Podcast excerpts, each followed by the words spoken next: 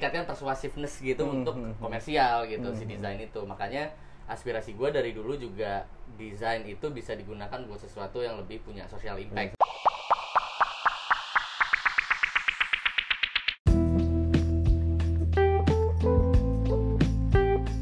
Halo pendengar, selamat datang di MRF Talks. Ini adalah episode perdana yang pasti dengan narasumber yang spesial. Eh, seorang teman lama yang dipertemukan di studio band waktu itu ya. Iya. Waktu ngeband ngeband. Iya. Ladies and gentlemen, please welcome Lodi Adrian. Halo Lot, apa Halo, kabar Lot? apa baik baik baik Gimana sehat? sehat alhamdulillah Oke.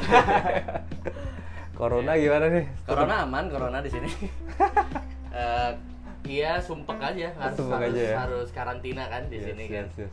Tapi Iya. tetap produktif ya? tetap produktif dong Ya tetap. pasti ya. Gue lihat di medsos makin produktif malah di Hmm. pandemi ini.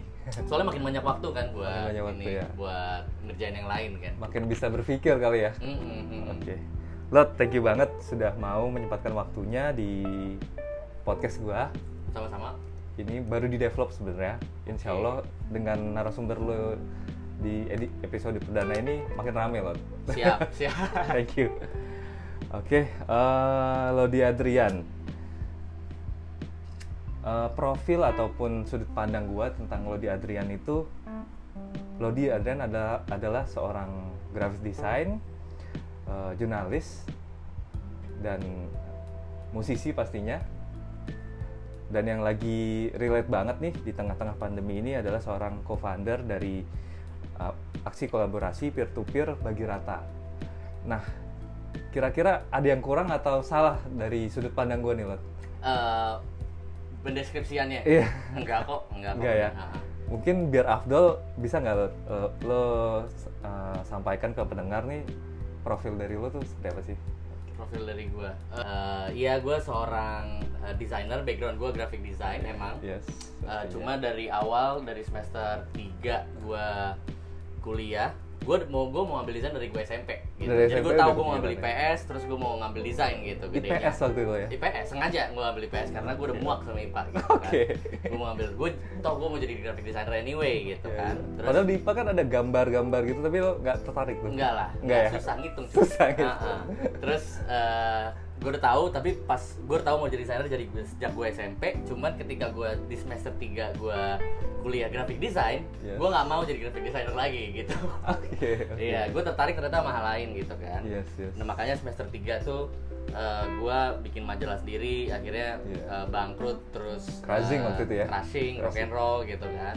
Terus gue bangkrut lagi yang kedua kalinya, terus akhirnya gue penasaran sama dunia jurnalistik, gue masuklah Jakarta Post gitu. Jakarta Post, Ya oke. jadi abis singkatnya sih dari dari graphic design bener, masuk jurnalistik juga iya, Yes. gitu. Cuman eh, apa perjalanan bahwa gue ternyata nggak cuma dunia desain dan jurnalistik juga, tapi gue bergerak di dunia social innovation sekarang Yes. uh, di mana membuat teknologi lebih inklusif buat membantu uh, kondisi dan isu sosial di sekitar Iya. uh, di Indonesia sih lebih tepatnya. Iya. Soalnya udah support juga sih ya teknologi-teknologi platform Betul. saat ini ya. Mm-mm. Oke, jadi lo uh, explore lagi ke arah sana ya sekarang ya. Betul. ya. Oke. Kalau yang tadi musisi sampai sekarang Mm. lo masih seneng gak sih bilang musisi gitu? Masih Apalagi sih, kan masih. album lagi baru-barunya nih di- Mm-mm. keluar. Baru-baru nongol terus corona, ya kan? nggak bisa man, nggak Iya, nggak iya. bisa manggung, nggak bisa Iya, launching iya, ya kan? iya. Uh, iya, gue tetap masih musisi Masih kok. musisi. Apa? Uh, baru albumnya baru keluar, Baru keluar. uh, di bulan Februari yang lalu gitu kan. Yes. Um, dan band gue itu juga band pertama dan band pertama gue dari Iya, sejak SMA sampai- gitu kan dari SMA sampai sekarang. gitu baru keluar albumnya Yes, betul. Oke, Lot. Eh, menarik banget nih apa aktivitas lo untuk digali. Mungkin sejam dua jam nggak cukup nih, Lot. oke Oke. nggak apa-apa panjangin aja Panjangin aja ya. Oke, Lot. Eh, terkait graphic design, Hmm. karir pet yang lo alami tuh kalau ini gua reverse dari eh, circle pertemanan pertemanan gua ya. Jadi kalau di cafe tuh kalau circle pertemanan gua mungkin ber- berbeda dari pendengar yang lain. Hmm. Kebanyakan tuh gue lihat lulusan DKV tuh kerja di eh, bidang eh, komersil jadi kayak Hmm. dia ke apa namanya platform ataupun eh, aplikasi komersil kayak Tokopedia, Lazada ataupun Tokped yang di mana mungkin lulusan-lulusan DKV itu dibutuhkan untuk em, membuat suatu eh, apa namanya eh, publish publisher untuk eh, menjual produk dan juga eh, platform tersebut. Nah, kalau gue lihat sih karir pet lu nih agak berbeda nih loh. Hmm. Lu di jurnalistik ya mulai mungkin dan juga eh, di lembaga internasional mungkin juga lo mulai di situ ya. Mm-mm. Nah itu Iya. bisa diceritakan nggak lo? Kenapa berbeda tuh? Apa yang mendasari lo bisa ke sana gitu loh? Iya, kenapa ya? Jadi mungkin kalau gue reflect waktu dulu, eh, emang sih bener kayak waktu teman-teman gue kuliah waktu itu semuanya pengen masuk agency gitu kan, Hmm, agency ya? periklanan lah Iya, waktu iya, itu iya. masih ngetren banget. Startup juga belum Iya, ada waktu itu kan, Gojek Gojek masih jauh lah gitu. Agency advertising tuh gila banget minatnya buat anak-anak mahasiswa. Em, dan motivasi paling gede anak masuk DKP tuh pengen masuk periklanan karena periklanan lo tuh gila banget kan, apa Yes, cool yes. gitu, cool banget gitu. Hmm. Eh, cuma gue juga suka sih sama dunia periklanan kan emang kreatif kreatif gitu ya waktu itu ya. Dan grafiknya juga bagus-bagus. Cuma Hmm. eh, rang- yang mungkin yang yang bergeser dari gue itu adalah eh, gue nggak mau menggunakan desain buat hal-hal yang komersial gitu. Karena gue tahu ketika desain masuk ke dunia ranah komersial itu cuman buat ngasih rasa persuasif buat orang suruh beli gitu Oh, oke, kan oke, oke. kayak lu bikin iklan oke lu bikin iklan H&M gitu let's Yes, say yes, yes. terus eh, eh boleh sebut merek nggak di sini Iya, monggo. H&M gitu ya Siapa tahu Terus- di endorse kan? ah, iya. terus eh, dia eh, kita desainernya bikin setengah mati gitu cuman buat SM, H&M laku gitu kan Oke. terus gue ngeliat ah ini nggak nggak nggak make sense nih buat gue Ah, gitu ah, ah, sedangkan masih banyak eh, sedangkan masih banyak keperluan lain yang nggak buat eh, mempersuas apa menjadi persuasif meningkatkan persuasiveness gitu Hmm, untuk hmm, hmm. komersial gitu si Hmm. desain itu makanya aspirasi gue dari dulu juga desain itu bisa digunakan buat sesuatu yang lebih punya social impact Social gitu impact ya, buat oke. buat uh, buat society keseluruhan Hmm, gitu hmm, hmm. jadinya uh, gua masuk jurnalistik itu karena itu dekat dengan permasalahan-permasalahan sosial yang terjadi Sosial makanya gue di hard news kan bukan gue Yes, masuk di yes. high bukan gitu Iya. tapi gue masuknya di di apa di post ya, ah, maksudnya. di hard news gitu karena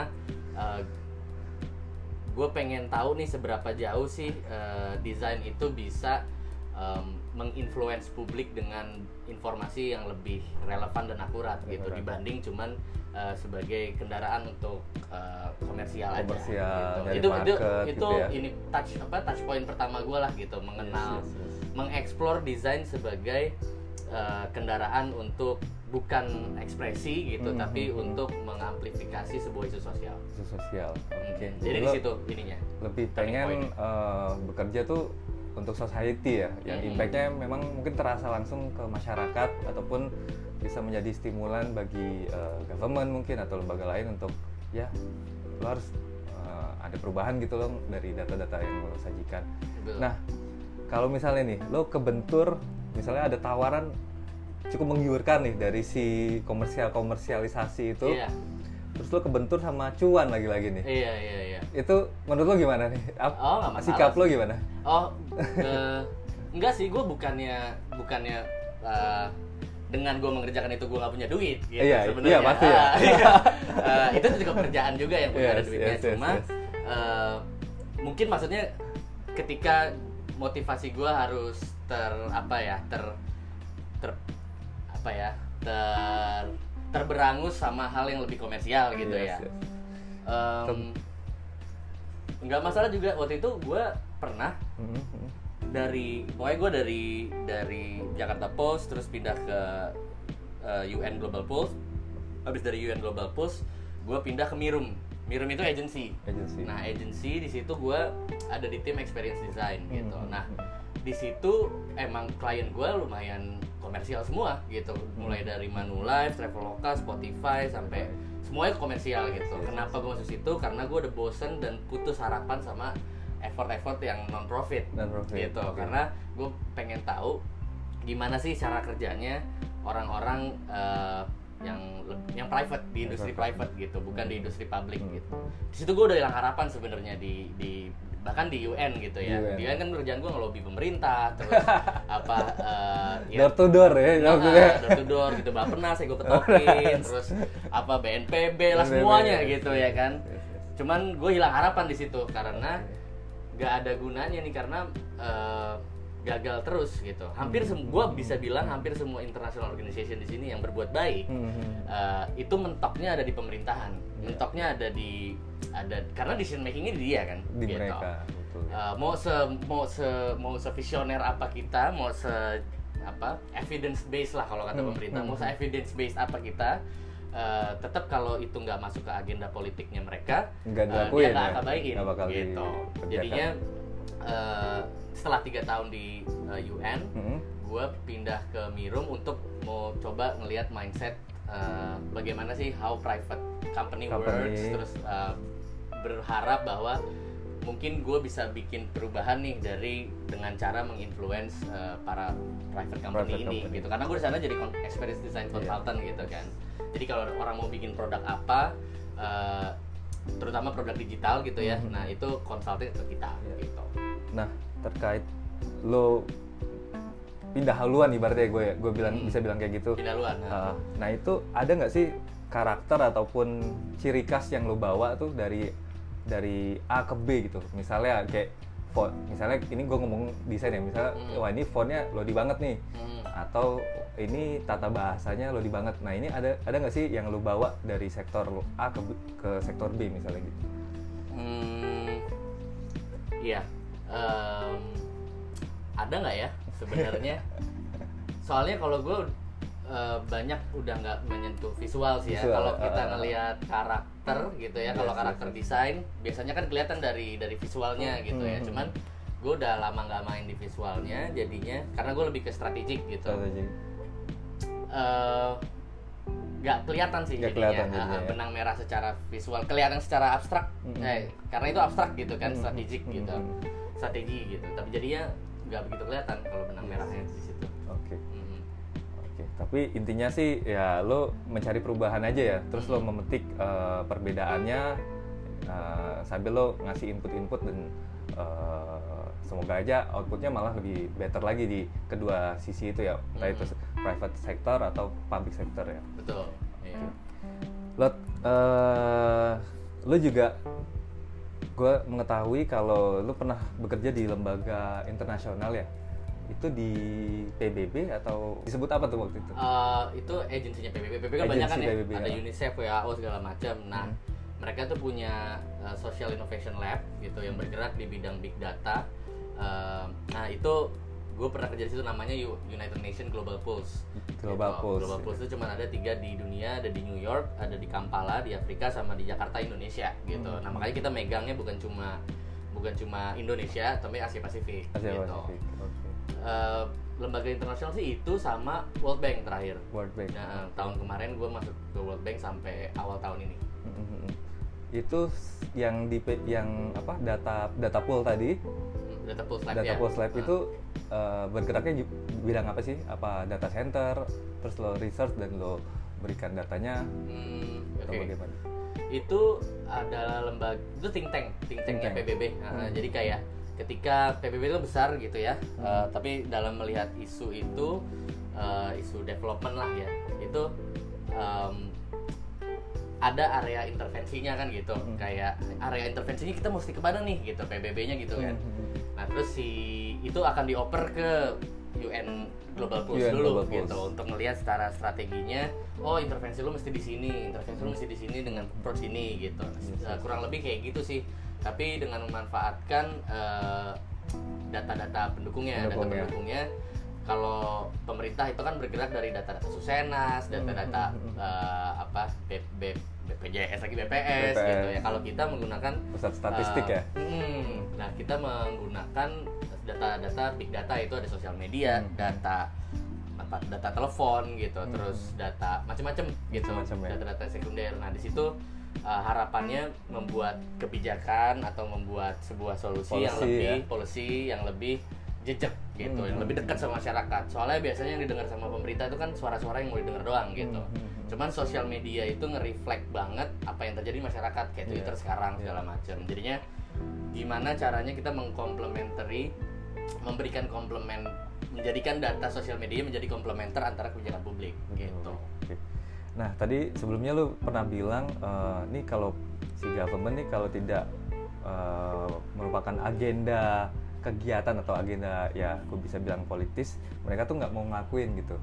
Nah eh, ketika lo memang tadi kan lo mencari data ke Bappenas, ke BPS ataupun ke kementerian lainnya responnya tuh ditolak atau kayak ya udah sini dulu eh, dijelasin habis itu lo digantungin atau gimana sih lo waktu itu? Hmm, Kalau buat Bappenas dan yang lain-lain sebenarnya itu bukan ini, bukan mencari data. Mencari Cuma data. kita menginfluence eh, intervensi ini. Contohnya deh, Hmm, hmm. contohnya eh, waktu kebakaran hutan gitu. Hmm, hmm. Kebakaran hutan itu em, banyak effort yang dilakuin sama sama pemerintah kita juga lah ya. Yes, Ada apa Badan Restorasi Gambut, Hmm. terus banyak lah gitu cuma waktu itu tuh eh, studi dari si Pulse Lab tempat gue kerja itu yang menuduk- menunjukkan bahwa orang-orang tuh nggak mau dievakuasi satu Mm-mm. dua orang-orang yang di kampung itu nggak peduli sama kebakaran hutan karena mereka yang ngebakar hutan gitu karena Iya. mereka dibayar sebesar 2 juta satu orang Yes. untuk ngebayar 2 hektar lahan Iya. gitu. Jadi kayak terus percuma kalau misalnya lu eh, cuma restorasi gambut terus-terusan. Simple simplistiknya begitulah gitu ya. Tapi sebenarnya akar masalah itu bukan di situ. Akar masalahnya adalah bagaimana masyarakat bisa bisa bisa aware sama lu jangan bakar nih gambut gitu. Ah, ini yang bukan dibakar nih sawit karena bawahnya gambut. Kalau kalau kena mampus lah kita Mampus, gitu. Iya. Eh, nah sebenarnya akhirnya gue ke sana kan ke Berarti di belakang 2 juta itu sebenarnya ya si orang-orang sih atas nah, itu ya. pas, uh, banyak lah gitu. Oke. Uh, yang perusahaan-perusahaan di situ gitu yang emang uh, ngebayar orang di desa itu untuk membakar lahan gitu. Dan itu ibu-ibu. Dan itu ibu-ibu yang naik truk bareng-bareng gitu ya.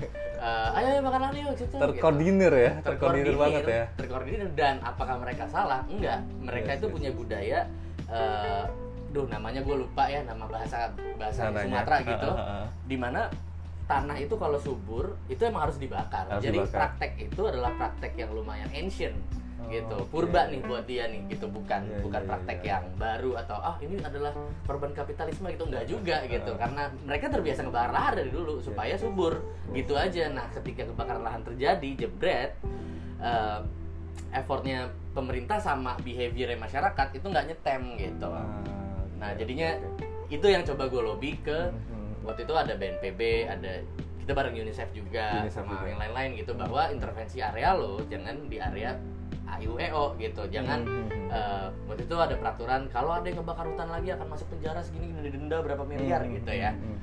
percuma, Percuma, karena ya. itu udah mendarah daging di budayanya mereka ketika budaya itu ketemu kapitalisme sama sama perusahaan-perusahaan gede dimanfaatkan digoreng jadinya ya. Digoreng. Digoreng sama dia ya. makin jadi gitu jadi. jadinya eh, jadinya itulah gitu Yes, kompleksnya di mana susahnya ngelobi pemerintah, untuk Pemerintah. melihat dalam perspektif eh, masyarakat, gitu Masyarakat. bukan dari perspektif eh, dia sebagai eh, apa namanya decision makers lah gitu Hmm. bukan kita sebagai orang luar soalnya eh, kalau mau dibilang salah dan benar apakah apakah orang yang ngebakar hutan itu eh, salah ya pasti salah gitu salah. dari kacamata kita ya Yes, orang yes, kota yes. gitu yang lihat tapi belum tentu menurut mereka salah jadi itulah kayak gitu perdebatan. Belum lagi impact terhadap kesehatan mereka juga pasti berpengaruh Hmm, banget kan. betul betul banget Yes.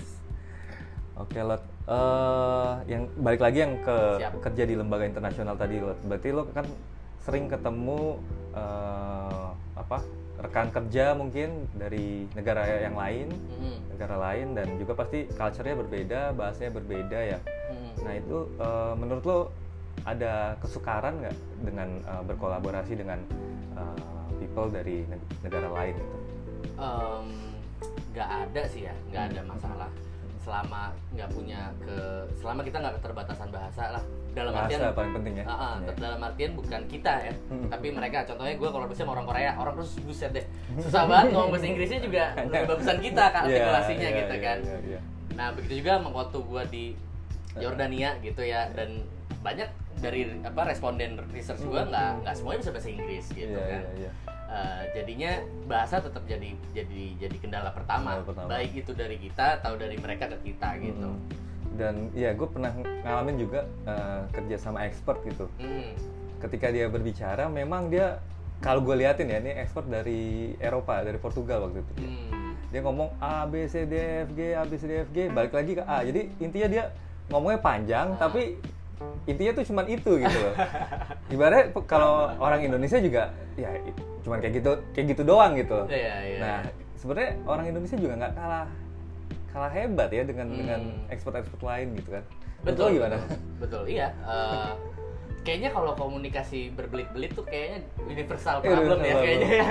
tapi kalau di sini orang bule ngomong panjang itu tuh kayak wah hebat ya Oh gitu benar, ya. oh benar, iya, iya. Oh iya, karena budaya mereka kan budaya merit ya, apa namanya? Eh, reasoningnya bagus Reasoningnya menurut bagus, ya. Dari sejauh gua observasi ini, reasoning kita tuh emang nggak bagus. Bukan menurut gua dari observasi gua, eh, kita emang panjang ngomongnya, Mm-mm. tapi emang nggak terstruktur gitu. Kalau kalau argumen kan ada ada strukturnya gitu ya. Mhm. Nah kalau kita tuh nggak terstruktur kayak kayak orang-orang orang-orang pemerintah tua-tua gitu kan ngomongnya lama "Ah, adapun baiknya Iya, iya, iya. dengan eh, permasalahan Iya, yang iya, iya. ada baiknya pula dengan wah itu kan gitu Yes, nah yes, kalau yes, yes. menurut gue tuh yang panjang itu bukan itunya tapi harusnya strukturnya jadi kayak ada intro ada refnya kalau lagu Iya. ada outronya ada Iya. contohnya gitu Iya. menurut gue budaya barat karena sejarah pemikiran uh, itu berkembangnya di sana menurut gua Ya. dari critical thinkingnya itu sangat mudah diartikulasikan gitu Hmm. melalui bahasanya, Bahasanya. bukan jadi panjangnya mereka slightly lebih bagus lah dibanding kita gitu Yes, yes, yes. sayang banget gitu cuma iya gue setuju Iya. Tapi tetap local pride lah harusnya. iya Oke, Lot. Eh, ini kita loncat ke jurnalistik, Lot. Nah, Siap. di beberapa media media sosial lo, web lo juga gua kepoin nih, Lot.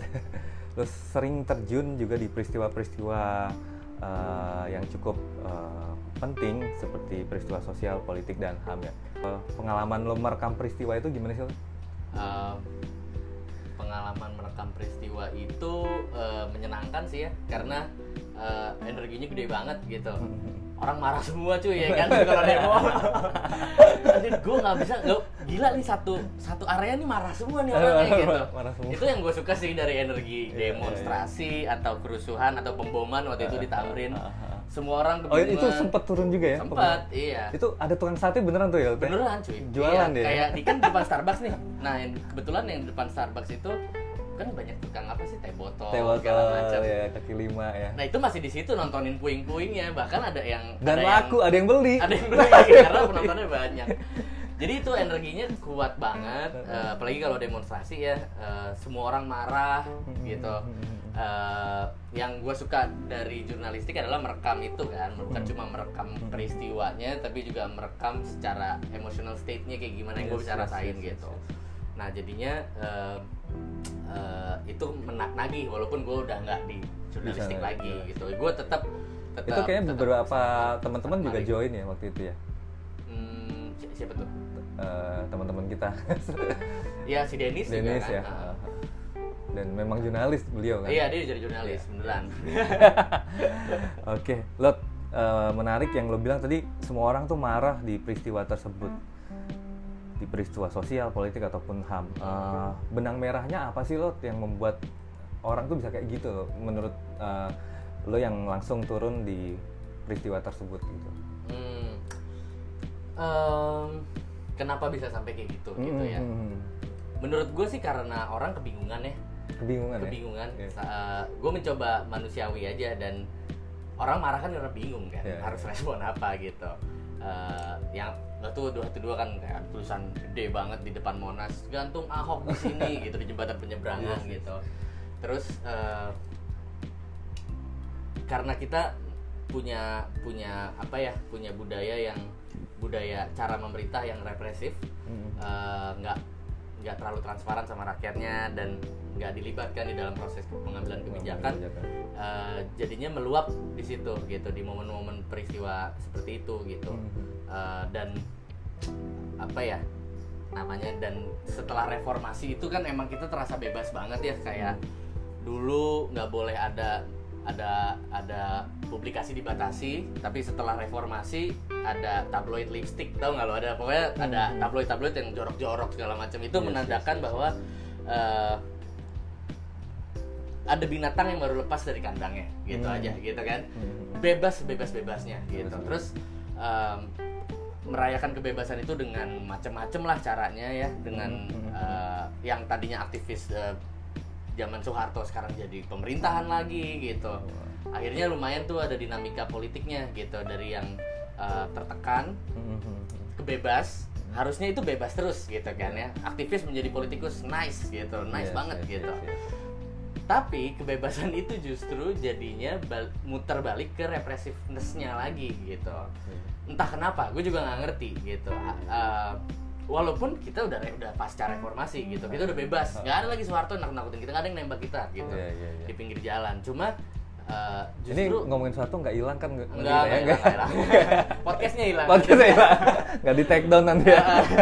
iya terus justru malah yang uniknya uh, politikus-politikus terakhir nih yang kekini-kinian lah ya Hmm, hmm, hmm. itu mempraktikkan cara orde baru ngegovern lagi gitu walaupun di negara negara yang udah katanya bebas gitu Hmm, jadinya uh, Ditakutkan ibaratnya ya. takutkan Ditakutkan bukan meluap takutkan lagi. dengan ya? cara yang berbeda gitu ya Hmm. terus di, di- dikasih distraksi dengan cara yang beda gitu Hmm, akhirnya masyarakatnya kebingungan menurut gua Uh, kayak contohnya ya contoh konkretnya Hmm, gitu ya politik di islamisasi politik Oke. dan politik islamisasi gitu Oke. Nah itu kan membingungkan orang gitu loh kasihan orang yang bener-beneran Islam bener gitu Iya, yang taat gitu iya ya. kasihan gitu maksud gua janganlah lo mainin itu gitu walaupun emang kita udah merdeka dan reformasinya udah gila lah gitu Iya, cuma iya.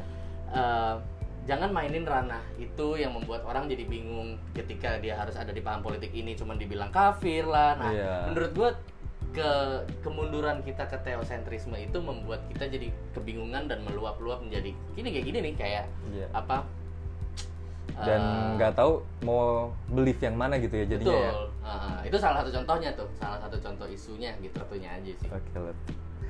Oke, eh, tadi kan pasti lo kalau di eh, jurnalistik ataupun penyajian data atau gue bisa bilang eh, di, apa riset development bisa gue bilang nggak gitu? Hmm, research and development Research and ya. development. Nah, ini ka- ketika lo melakukan suatu research, lo butuh spare waktu berapa lama lo? Atau malah lo deadlineers? Ketika deadline-nya udah mau deket, malah ide itu muncul tuh. Lo pa- paham yang mana nih? Em, kalau research itu menurut gua kalau research harus terstruktur sih Terstruktur. iya ha- harus ada deadline-nya kalau enggak kita keasikan soalnya research seru kan maksudnya lu kalau ketika lu punya curiosity tinggi Hmm. ditaruh di satu isu dikasih toolsnya buat meneliti ya lu pasti pasti apa tenggelam lah di dalam Iya, penak rasa iya. penasaran lu cuma eh, kalau research gua yang di ini yang di disiplin gitu Disiplin, yang ya, ini yang harus saya segini milestone-nya jelas gitu Iya, ya. harus Jadi jelas. lo eh, sebelum ke B lo ngelakuin A, betul bukan Iya. kayak tipikal waktu kita kuliah gitu loh. Hmm. Makin ujung tuh kayaknya makin lancar aja Makin gitu. lancar apa tuh SKS ya? SKS. Sistem kejar Kebu- semalam ya Kebut semalam. Kebut Iya, kebut semalam. Oke, eh, sebelum loncat di topik yang ditunggu-tunggu nih lah terkait eh, kolaborasi kolaborasi peer to peer bagi rata, Mm-mm. nggak afdol kalau nggak ngomongin musik loh. Sedikit Oke. mungkin loh. Eh, update terkait Festival gimana sih Lot? Udah ada album baru nih. Mm-mm. Albumnya keren, gue suka yang Pollution War. oke thank you thank you Nanti gue minta liriknya ya. siap Terus mungkin update, promo ataupun next event, mungkin konser online gitu.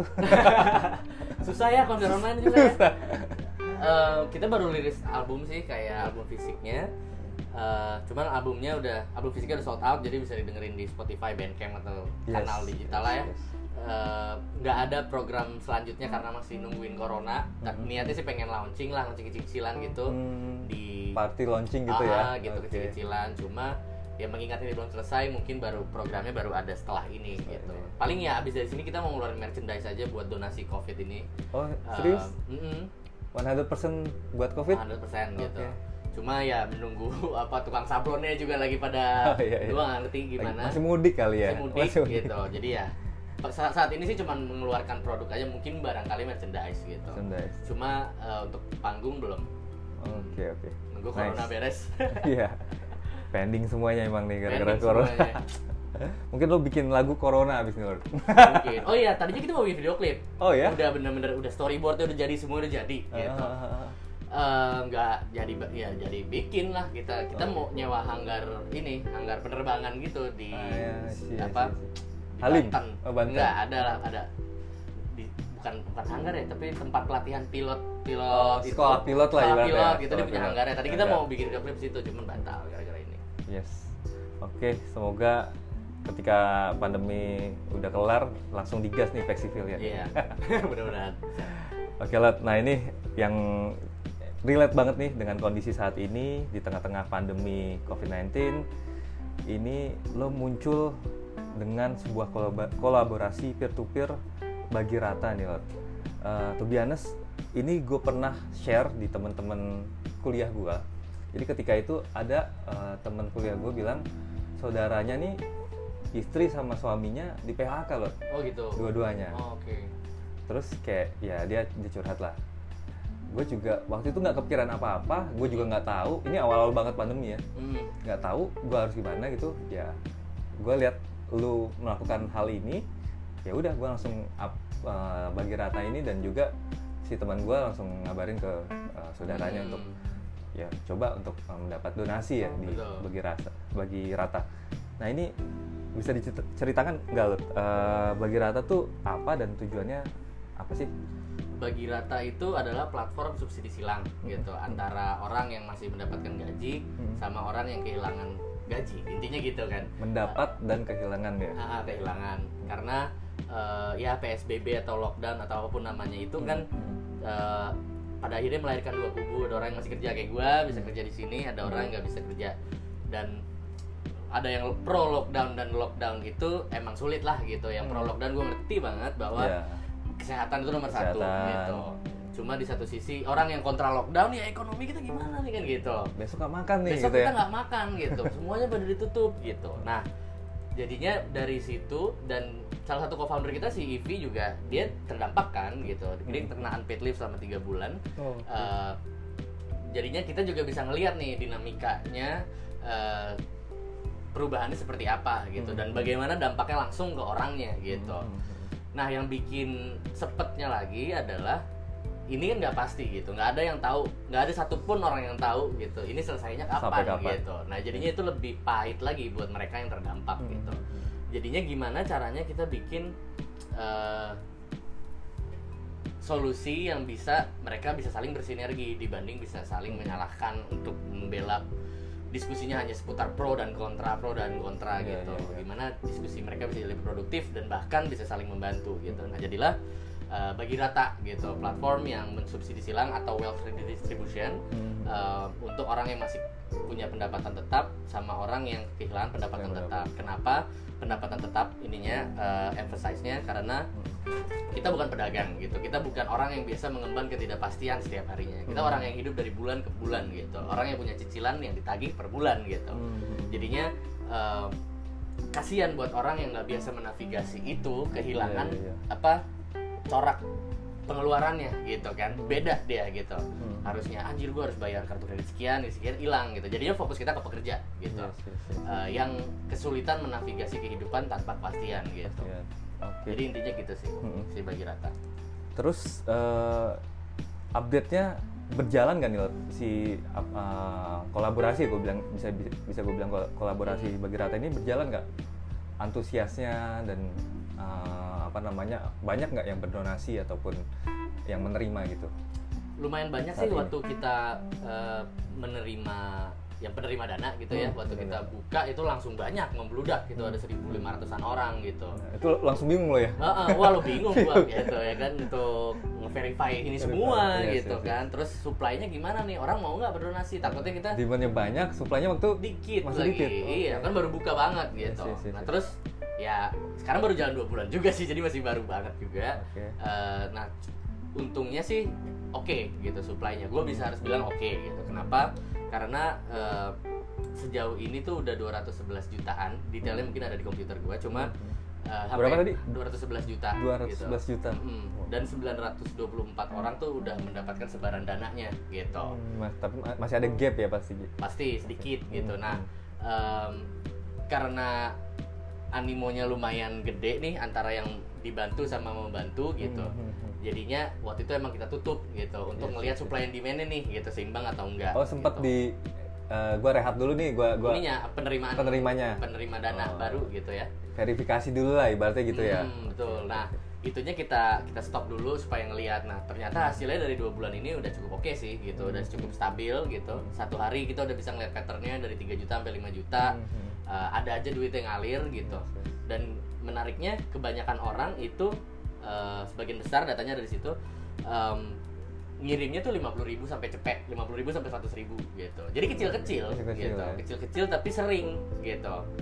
Uh, nggak nah- jarang yang langsung gede gitu Hmm. kan. Kalau di kita bisa atau platform donasi lainnya gitu kan sekali sekali uh, kirim langsung mungkin langsung gede atau kecil aja gitu ya Oh, tapi oke. sekali gitu nah Oke. kalau di kita yang kita lihat behaviornya ya si usernya Ah. itu berkali-kali gitu karena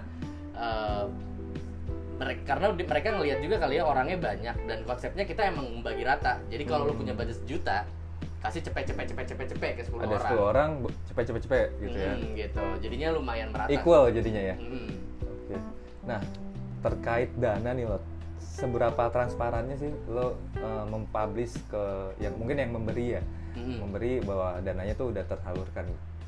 Eh, te- dana yang tersalurkan tuh udah langsung sih karena eh, lo langsung ngirim ke akun jadi akun via GoPay jadi dibagi rata tuh cuma cuma tindernya doang gitu Hmm. cuman lo ketemu ceweknya di mana itu udah kita kita alihin ke GoPay ke dana di Genius jadi Oh. ketika lo klik kirim sekarang jebret Hmm. itu aplikasinya langsung redirect ke GoPay Oke, gitu nah oke. setelah GoPay berhasil artinya Tanasis itu berhasil gitu Oh, oke, oke. Eh, cuma memang ada dari transaksi berhasil itu kan ketangkep tuh datanya ke kita gitu Hmm, kan Nah, hmm, jadi kita bisa lihat tuh ya eh, ada orang yang berhasil gitu ada orang yang nggak jadi gitu ya bisa Hmm. bisa kita lihat gitu Nggak jadi bisa ke, ke record juga ya. nggak jadi bisa karena ada tombol gagal kirim Gagal, gitu ya. Ah, kalau berhasil dia nanti akan klik berhasil kirim itu kita bisa record di situ Oke. dan kalau keterbukaan sih eh, jadi di situ keterbukaannya karena mereka langsung gitu dari GoPay-nya Hmm. cuma kalau eh, dari database sendiri kita emang open for public gitu Hmm. orang Hmm. orang mana pun bisa lihat lah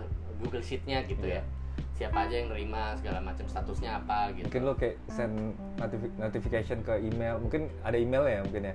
Terus lo send ke ya pemberi dana bahwa ah, ini udah udah Enggak juga Enggak sih juga ya? Enggak juga cuman karena dari yang lo sebarin ke macam-macam ap- aplikasi tadi ya kalau berhasil ya udah record. berarti berhasil, Berhasil. Ah, gitu Oke oke oke.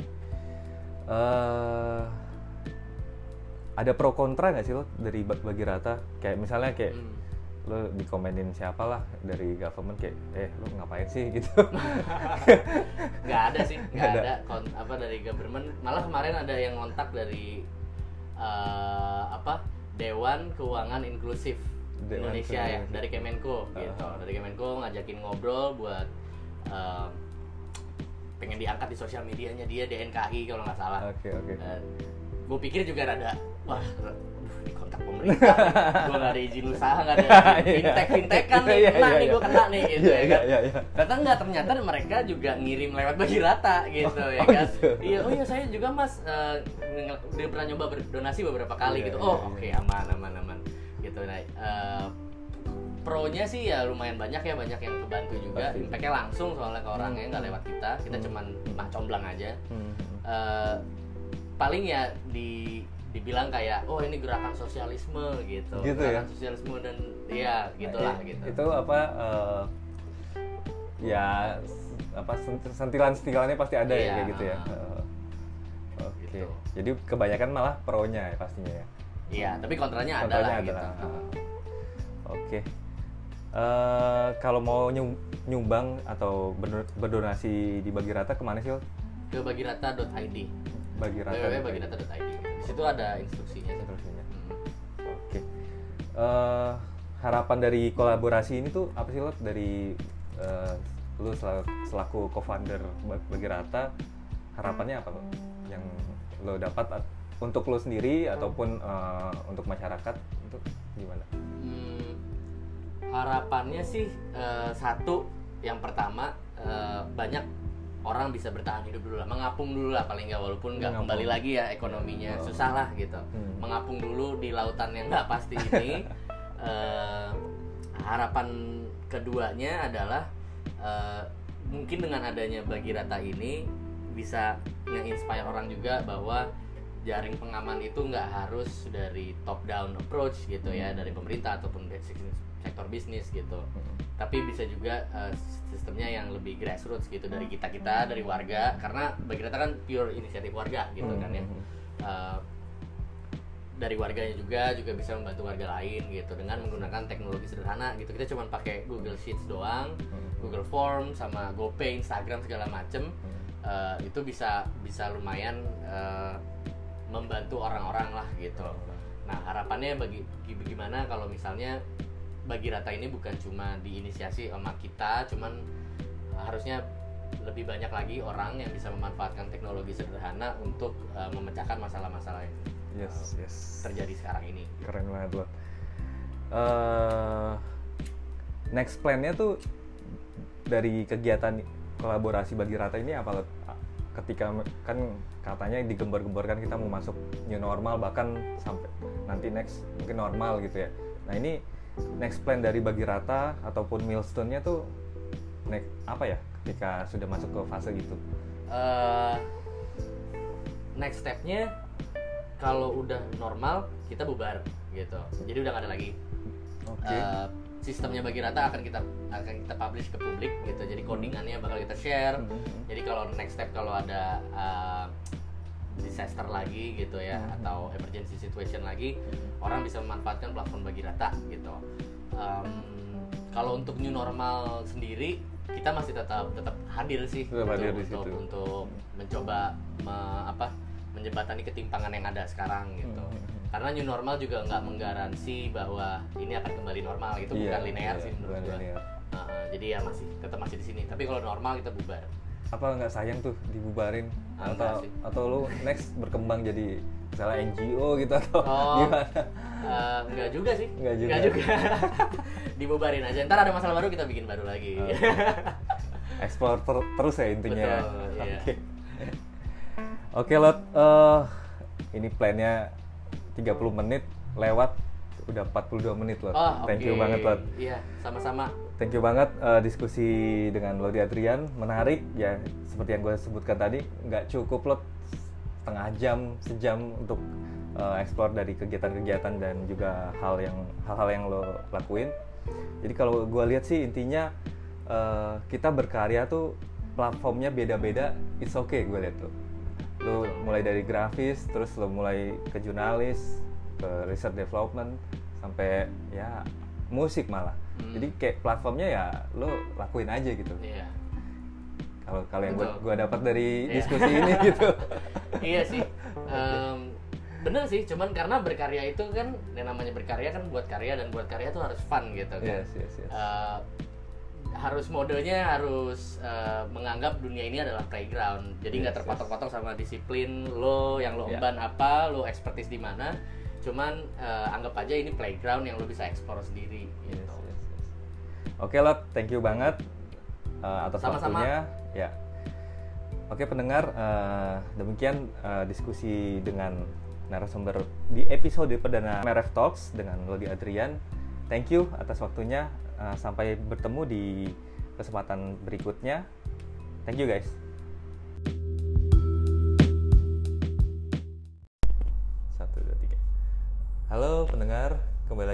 MRF Talks. Kali ini gue bersama narasumber yang spesial, Eh, seorang yang eh, bekerja bersama dalam suatu perusahaan yang gue bareng-bareng mendevelop suatu project. Di mana ketika ketemu orang ini, gue merasa pengaruh ataupun influence terhadap pergerakan sosialnya sangat kenceng banget ya om. Jadi waktu itu kita sama-sama untuk eh, bergerak terhadap kaum-kaum yang eh, bisa gue bilang terma- termarginalkan yang ka- yang terimbas dari suatu project. Nah, orang ini muncul memberikan solusi-solusi yang cukup brilian. Jadi, uh, ladies and gentlemen, please welcome Hendro Talenta atau gue bisa bilang Om Hen. Apa kabarnya Om Hen? Wah, luar biasa. Mas Rizky dan pendengar MRTF Talks. MRF Talk. Sehat Om? Sehat. Gimana nih di tengah pandemi ini masih produktif kah?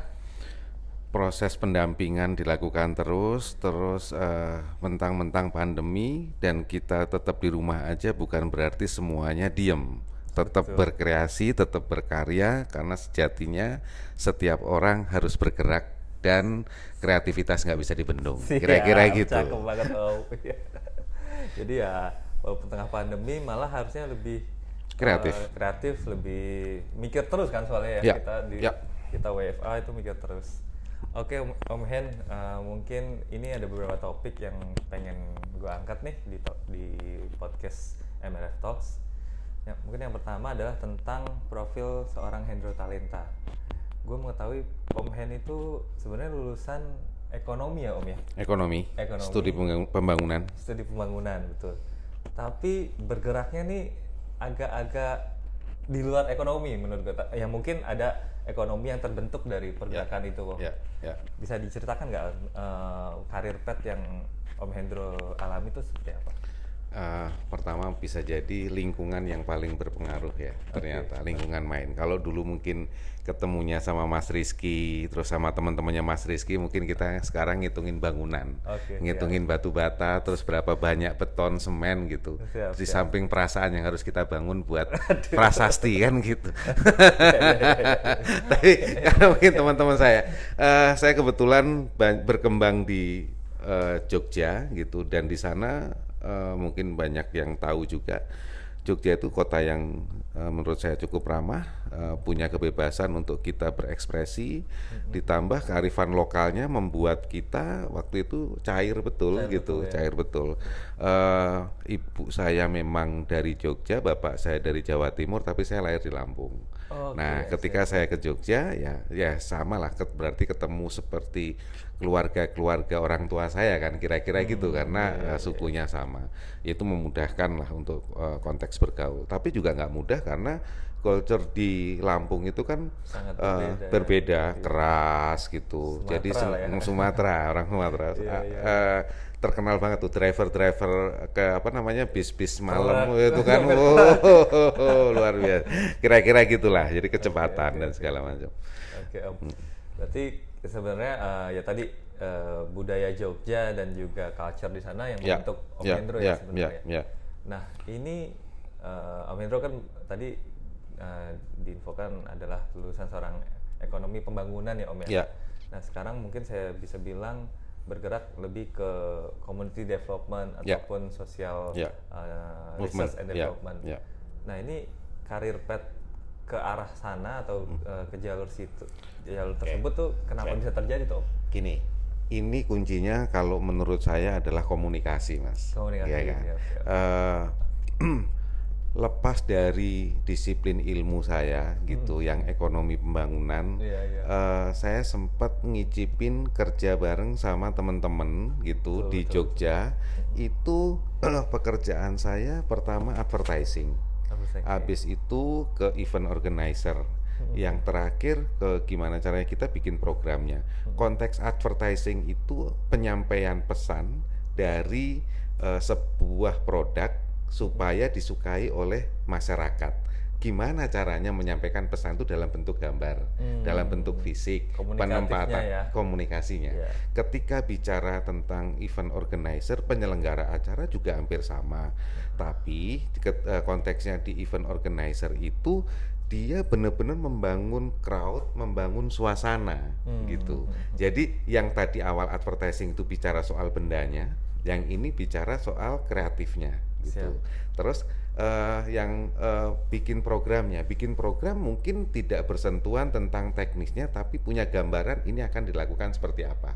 Nah, ketika bicara social movement, terus community development, ini juga terkait tentang komunikasi. Hmm. Pastinya di dunia ini itu kan ke, bisa jadi uh, simple tuh ada dua tuh hitam putih kan gitu Yes, yes, yang yes. hitam bisa jadi kurang baik yang putih jadi baik kira-kira gitu oke. tapi seenggak-enggaknya konteks pembangunan di mana pun eh hampir selalu dalam tanda kutip akan memunculkan dampak. Yes. Gimana caranya gitu? Eh, si dampak ini bisa diminimalisir, ju- tapi justru bisa memberikan manfaat yang mutual gitu Hmm. dari sisi pembangunan. Sisi pembangunan. Karena kalau bicara soal pembangunan melulu, ada target, ada timeline dan segala macam itu bisa jadi kesannya kayak pembunuhan, Hmm. bunuh kulturnya, bunuh budayanya, mematikan pertumbuhan dan segala macam. Konteksnya gitu ya karena kayaknya ya. karena i- konteks pembangunan misalnya apa pun ya yang di- yang dibangun itu itu bukan tanpa tujuan gitu. Tapi Hmm. Betul, kalau betul. komunikasinya salah, ini kesannya udah jadi eh, apa eh, beda gitu Hmm, hmm, hmm. Beda, berat sebelah. Nah, konteks ini juga bukan berarti untuk melegalisasi terkait pembangunan yang eh, punya timeline, punya apa tadi harus dikejar. Hmm. Eh, gimana caranya masyarakat-masyarakat atau apa pun alam bahkan yang dalam tanda kutip seolah-olah terdampak ini bukan tidak merasakan tapi punya punya mutual ya. Oh, dengan adanya ini nanti akan jadi lebih baik. Betul banget. Kira-kira gitu. Siap. Makanya kok ini konteksnya adalah komunikasinya. Komunikasinya. Oke. Itu Mas Rizky. Siap, menarik banget Om. Tadi beberapa beberapa statement sudah disinggung terkait kreativitas tadi Om. Ya. Nah, bagaimana sih proses kreatif yang dilakukan oleh seorang Hendra Talenta dalam merunning suatu pekerjaan Om? Apakah harus riset yang lama atau hanya by experience ataupun uh, wawancara dengan teman-teman seprofesi? Pastinya ada risetnya, tapi kalau saya enggak, karena saya lebih suka praktis, jadi terjun langsung ke lapangan, mencoba merasakan dan mencoba menjadi bagian dari mereka, Yes, gitu. yes, yes. Eh, sederhananya orang-orang tua dulu bilang ke kita gitu, Hmm, perlakukanlah orang lain seperti kamu pengen diperlakukan, gitu kan kira-kira gitu. Yes, Nah, ya sudah. Eh, konteksnya misalnya saya pengen melakukan apa, pembangunan melakukan apa, perusahaan melakukan apa, tapi kanan kirinya nih itu juga sama-sama manusia yang punya hak juga gitu. Jadi Iya, iya. apa yang sampaikan? Oh ya, sesederhana bahwa kita datang permisi, kulon nuwun, terus menyampaikan ini itu bisa jadi cukup gitu Oke, oke, oke. oke. kita punya presiden karena kita udah bangun stigma gitu. Eh, kalau kita pengen sesuatu eh, kan cukup dengan kita eh, apa ya namanya punya timelinenya ininya kita sampaikan. Oh enggak, bukan itu. Bahkan bisa jadi sederhana sekali datang, ketemu, ngobrol, ngopi, sampaikan pelan-pelan gitu. Oh, tanpa eh, ya semua itu kan ada niatnya. Jadi ketika kita merasakan pengen diperlakukan seperti apa itu mungkin kita bisa gunakan juga di sana. Oke, jadi kayaknya ketika ya proses kreatif tadi sebenarnya hal-hal simpel itu malah lebih uh, relate gitu ya dengan dengan Ya, dengan ya, ya, ya. ke- keadaan Nah, existing atau di itu masyarakat. konversinya adalah apa? Gitu, misalnya ben- eh, kon- eh, konversinya misalnya apa? Dalam bentuk apa? Gambar. Muncullah bentuknya itu infografis, Infografis, gitu. yes, yes. Bentuknya lagi gambar itu ternyata bisa mewakili perasaan kita, bisa mewakili apa yang kita maksud. Oke. Kalau ada bentuk gambarnya dari foto-foto gitu. Nah, itu dikumpulkan. Hmm. Intinya eh, dibalik aja, saya itu pengen dapat info ini gitu. Saya Hmm. pengen dapat eh, apa namanya orang itu pengen dapat perasaan saya seperti ini. Makanya kita cari tuh prosesnya. Yes, Ki- yes, supaya kita nyaman, eh, supaya kita bisa nerima membayangkan mudah-mudahan ya gitu. Kalau pakai cara ini, pakai gambar ini, pakai penyampaian dengan tahapan seperti ini, itu eh, bisa paham. Ternyata ya bisa. Yes, yes. Dan itu memang harus berani dilalui gitu. Betul, betul. Jadi sudut pandangnya ya sudut pandang orang yang men- yang kita berikan informasi gitu ya, Ya, bukan ya, bukan ya, kita yang udah tahu Oke. jawabannya Ya. belum tentu uh, ter- kreatif lebih banyak ke gimana cara satu yang kedua banyak kok sebenarnya terjadi di sekeliling kita kalau kita mau ngeliat tuh kreatif kreatif yang sudah ada benar-benar dari baca buku dari pengal cerita orang pengalaman orang atau eh, apa namanya ngelihat ini kan hampir sama. Kejadian di sini eh, kejadian di tempat yang lain di negara yang lain itu pernah ada. Pernah nah ada. itu di dipelajari. Dipelajari betul banget. Oke. Menarik banget om. Proses kreatifnya aja tadi sudah dijelaskan cukup padat dan juga ya berarti hal hal simpel itu belum tentu nggak nggak ada meaningnya gitu. Ya mungkin kalau seorang engineer gitu kalau kami eh, saya di background engineer ya ini perlu banget nih di, diterapkan Nggak- jadi kita mikir mungkin nggak harus sampai se- seberapa rumitnya gitu ya, Ya. tapi malah mencari bagaimana sih ya simpelnya gitu ya ya Siap. Oke Om. Eh, lanjut ke topik movement Om. Ya. Uh, saya mengetahui bahwa Om Hendro nih uh, memiliki beberapa uh, passionate dalam ya saya bisa bilang bersepeda dan juga terkait uh, budaya disiplin ya Om ya, Ya. dalam dalam kehidupan. Ya, ya. Um, ada tiga uh, ke- pergerakan yang saya bisa bilang yang Om Hendro mungkin uh, terjun langsung Om di dalamnya. ya. Itu ada Jakarta Night Ride, ada Eco Transport dan juga Budaya budaya, disiplin. disiplin. Ya. Mungkin akan menarik uh, kita bedah satu-satu nih Om. Ya. Ya. Mulai dari Jakarta Jakarta Night Ride. Ya. Uh, Jakarta Night Ride itu kalau misalnya diterjemahin aja kan naik sepeda malam-malam di Jakarta Naik gitu. sepeda malam-malam. Nah ini memang kenapa harus malam gitu om? Ya. Kan gelap gitu atau Ya. atau uh, Ya. kenapa nggak pagi gitu? Jakarta Ya. uh, morning morning ride gitu? Ya. Ya. Bisa diceritakan nggak om? naik sepeda itu yang terjadi sekarang dan pada umumnya adalah memang orang-orang yang sudah punya sepeda cenderung mampu apalagi di kota-kota ya baik itu Jakarta Bandung. Eh, dia mampu dia punya waktu luang dia baru naik sepeda. Artinya naik sepeda itu dilakukan satu untuk olahraga yang kedua pada saat eh, waktu senggang gitu. nah Jakarta Night Ride ini konsepnya mari kita mencoba menggeser dari orang-orang yang sudah melakukan tadi tujuannya bukan hanya untuk mereka tapi mereka menjadi aktor teladan konteksnya untuk berani turun di jalan raya bersepeda rame-rame apa pun jenis dan merek sepedanya, Sepedanya. gitu. Kalau rame-rame ketika itu ada eh, misalnya merek-merek tertentu kumpul jadi satu tapi naik sepeda rame-rame gitu kira-kira menarik perhatian nggak? Pasti menarik perhatian apalagi kalau di sana ada unsur tertib lalu lintas lampu merah berhenti kan gitu. Eh terus apa lagi tuh ya? Eh, gembira happy gitu. Eh, jadi muatannya mencoba menggeser mindset bahwa naik sepeda itu bukan hanya pada saat saya punya waktu. Naik sepeda itu bukan hanya pada eh, saat saya perlu olahraga, tapi naik sepeda ya sehari-hari. Gitu. oke, oke. Naik sepeda sehari-hari di jalan ra- ya di jalan raya. Tapi kan ramai banyak mobil dan motor. Iya, karena sepedanya nggak ada. Hmm, Kalau sepedanya ada, ya belajar sekarang. Kalau kamu pengen dihargai, ya kamu juga harus menghargai mereka, Betul, gitu. betul, betul. Eh, ada lagi eh, yang lebih sadis eh, doktrinnya, rebut jalur sepeda. Kita juga punya hak, kita juga bayar pajak untuk eh, menghadirkan Menghadirkan jalanan jalannya. itu kan gitu, Betul, betul. sampai semua infrastrukturnya. Nggak bisa ini cuman diadvokasi pakai kalimat, ini harus pakai teladan, Tindakan, ya, gitu. teladan. Nah, nggak mungkin kalau cuma 10 orang ya gimana caranya makanya dibikinlah program gitu namanya Jakarta Night Ride kenapa kok malam kalau pagi dan siang udah nggak mungkin di Jakarta Hmm, gitu iya, iya, iya, karena iya.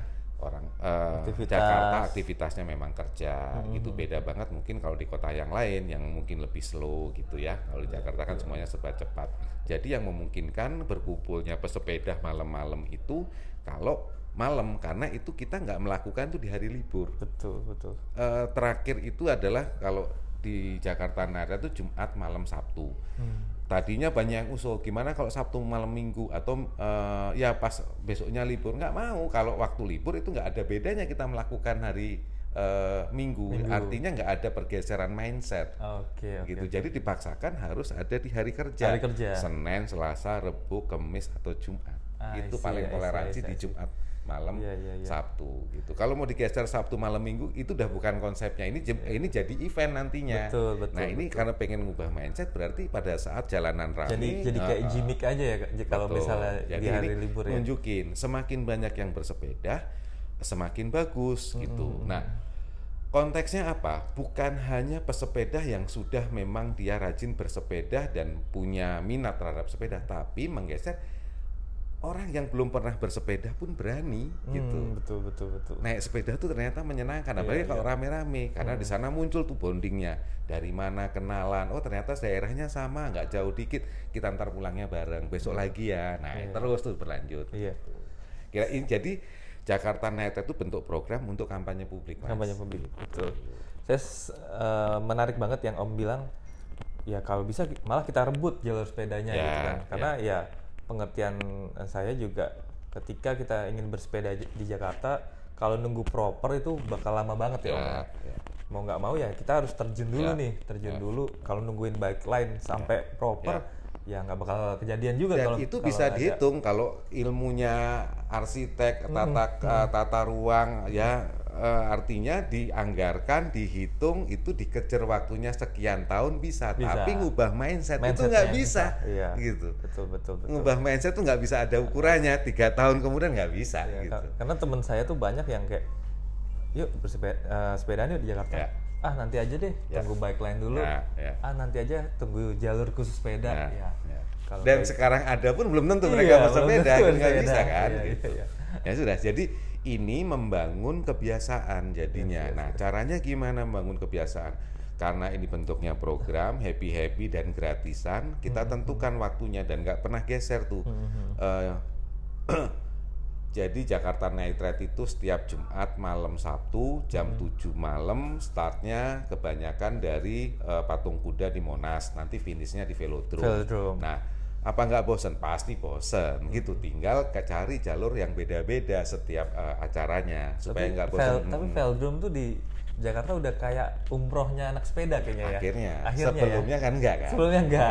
ya memang dibikin kan gitu Iya, itu betul. perpaduan tadi ada gimana caranya memasarkan satu uh, produk, Produk. terus caranya seperti apa Yes, terus yes. dilakukan kan gitu kira-kira ya. banyak banget orang eh ayo ke velodrome nih Ya, penasaran ya, ya, ya. Entah itu dia cuma mau foto atau emangnya tadi ikut di dalam Ya, Jakarta Ride. sudah seharusnya velodrome itu jadi rumahnya, rumah besarnya pesepeda. Rumah besarnya Karena awal-awal saya waktu belum masuk ke Jakpro 2018 akhir itu eh, habis diresmikan waktu itu saya ingat banget gitu eh, bulan Agustus nggak lama kemudian banyak betul cerita-ceritanya yang pengen banyak nih komunitas-komunitas Hmm, motor, komunitas mobil pengen nyewa halamannya velodrome, Velodrome. untuk bikin acara gitu Betul, sama betul, mereka. betul. Kalau ini diizinkan, besok-besok akan terulang. Bukannya nggak boleh, boleh, tapi proporsinya jangan mereka lebih besar. Iya. Pesepedanya yang lebih besar, yang lebih besar. 60 40 lah atau apalah gitu.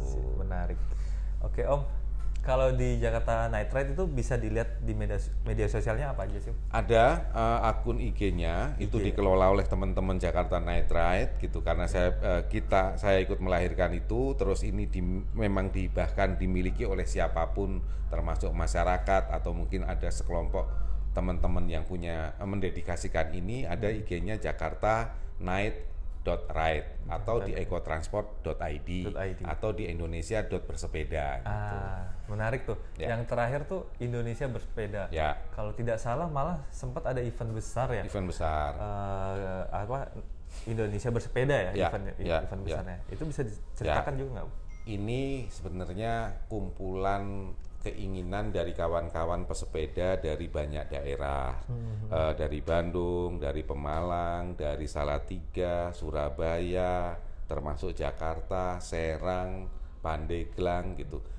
Eh kita ini sama-sama bersepeda, iya, oke. Mbok kapan-kapan bikin ja- kayak jambore, atau jamborenya apa jambore gitu. kayak anak Vespa jambore Ya, gitu ya Kalau yang pernah ada jambore itu biasanya merujuk kepada satu merek sepeda. Betul, Jambore betul. A, jambore B, Iya, jambore iya. ini. Kalau Indonesia bersepeda, ini apa pun pesepedanya gitu. Jadi catatannya adalah kota-kota yang sudah melakukan kampanye publik Oke. tentang ajakan bersepeda Hmm, gitu. Kalau dirasa bersepeda ini baik, ya konkretnya apa? Kami punya rutin programnya dan ini gratisan misalnya. Syukur-syukur ada yang mendanai atau ada yang perusahaan atau malah mungkin pemerintahnya mengadopsi itu menjadi programnya atau CSR-nya ya dengan senang hati. Hmm. Dengan senang. Intinya mereka bisa berkembang aja gitu. Nah, eh, kota-kota ini eh, bisa dilihat gitu. Eh, ada mulai ya dari Metro Night Ride itu yang di Lampung, terus Serang, Pandeglang, Ta- Tangerang, eh, Rangkas Bitung, Jakarta, Bandung, Bogor, Bekasi, Depok, Night Ride semua, semua. gitu sampai ke Sulawesi, Makassar, Surabaya, Jombang, Hampir seluruh Indo- eh, seluruh eh, Jawa ya? Banyuwangi Seluruh- gitu, seluruh hampir Jawa. seluruh Jawa kebanyakan, Kebanyakan. yang nyebrang-nyebrang dikit. Nah, mereka bersepakat tuh suatu saat boleh nggak? Oh boleh, tapi kesulitannya apa? Untuk datang tiketnya, oke gitu. Kita coba carikan sponsor ya, kan gitu akhirnya. Kalau iya, kita iya, udah iya. kompakan, ya nggak apa-apa gitu. Ketika kumpul mau ngapain? Pertama saling kenal, kedua nunjukin pesepeda itu bukan kaum marginal loh sebenarnya Ah, iya, gitu iya, loh. iya, iya. Sepeda itu eh, juga punya hak di jalan raya. Tapi jangan salah, pesepeda itu kalau banyak kan sama jahatnya kayak Kayak mobil dan motor di jalan. motor. Kenapa? Ya mereka banyak ngabisin jalan juga. Iya. Artinya perlu ada edukasi eh, ke pesepeda itu sendiri gitu. Ini maksudnya ke budaya disiplin tadi. Iya. Budaya disiplin gitu. tadi.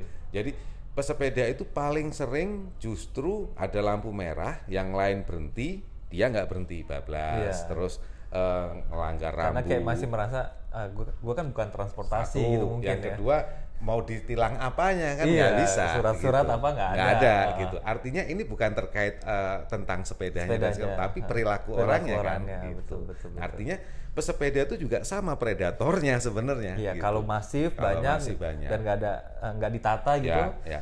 Pesepeda kelanggar bahayanya. mobil, pesepeda kelanggar motor misalnya atau Hmm. terjadi kecelakaan. Beritanya bisa jadi nggak imbang nih, motornya yang salah, seolah-olah atau mobil yang salah. Hmm, Belum tentu. Belum tentu. Pesepeda itu punya etika harusnya. Berhenti Hmm. belok kanan atau belok kiri itu ada tandanya, ngasih tanda ke tangannya, Iya. ada etikanya. Kalau mau nyebrang ke kanan eh, dia berhentinya di sebelah Iya, kiri di betul, betul, perempatan gitu tiba-tiba terlanggar itu kejadian. Iya. Jadi sebenarnya Dan body awareness-nya juga harus ad- misalnya Ya, pakai ya, helm, ya, sarung ya, tangan ya. dan lain-lain. Ya ada protokolnya lah Betul, kira-kira betul, gitu. betul, betul. Nah ini terkait tentang yang dibangun sebenarnya pertama manusianya, kedua perilakunya, Perilakunya. terakhir menghasilkan satu peradaban kan gitu Iya, kan. betul, setuju banget. Dan nggak bisa sendiri. Nggak bisa harus sendiri, rame-rame, harus kan, movement, gitu. harus bareng-bareng Ya, ya. Oke.